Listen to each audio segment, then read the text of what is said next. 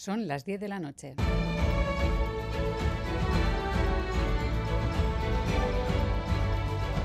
Radio Euskadi y Radio Vitoria. Servicios informativos.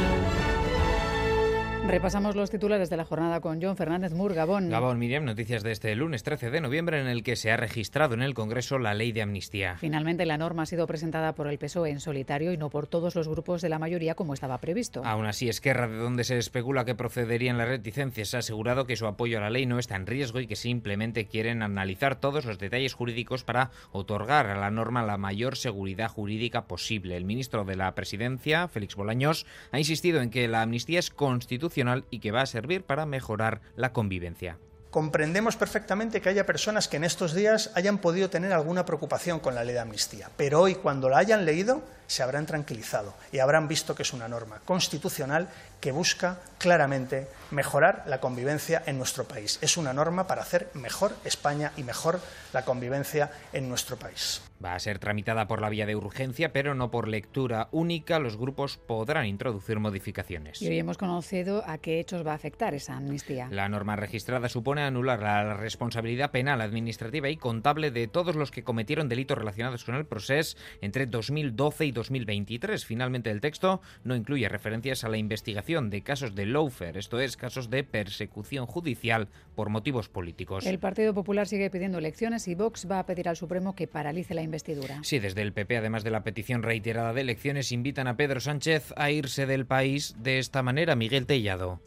Por permitir esta humillación de nuestro país, por permitir la humillación de nuestro Estado de Derecho, por permitir la humillación de la separación de poderes esencial en cualquier democracia, creo que debería irse de este país en un maletero el propio Pedro Sánchez. Mientras Vox presentará mañana ante el Supremo una querella contra Sánchez y pedirá como medida cautelar suspender el pleno de investidura. La movilización, ha dicho Santiago Abascal, ha de ser permanente.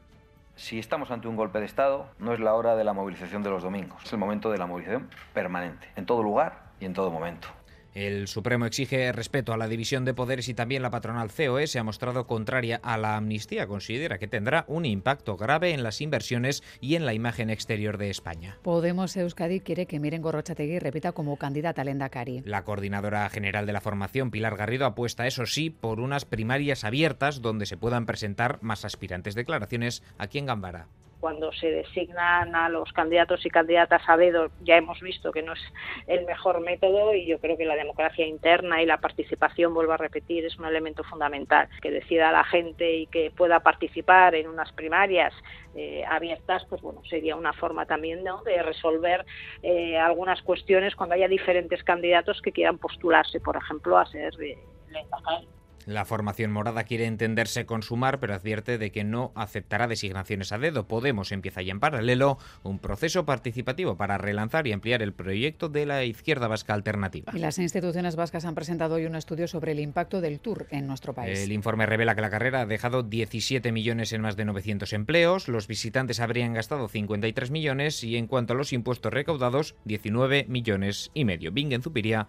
portavoz del gobierno vasco. Ha sido un reto superado por el que el propio Tour de Francia nos ha felicitado y nos ha mostrado su agradecimiento. Y en página internacional miramos al Reino Unido, donde el primer ministro Rishi Sunak ha remodelado su gobierno. Destituida la polémica ministra del Interior, Suela Braverman, tras las declaraciones en las que acusaba a la policía de favoritismo con los manifestantes pro-palestinos. Será el de Exteriores, James Cleverly, quien pase a ocupar ese cargo, y este giro de los acontecimientos trae consigo el regreso a la primera línea política de David Cameron, el primer ministro del Reino Unido entre 2010 y 2016, es ahora su nuevo ministro de Exteriores. Dimitió, recuerden, tras perder el referéndum del Brexit convocado por él mismo, en el que defendía la permanencia de los británicos en la Unión Europea. En carreteras, el Departamento de Seguridad pide precaución en la Nacional 1 en Nordicia, sentido Gasteiz. Está cortado el carril izquierdo tras el accidente sufrido por una motocicleta.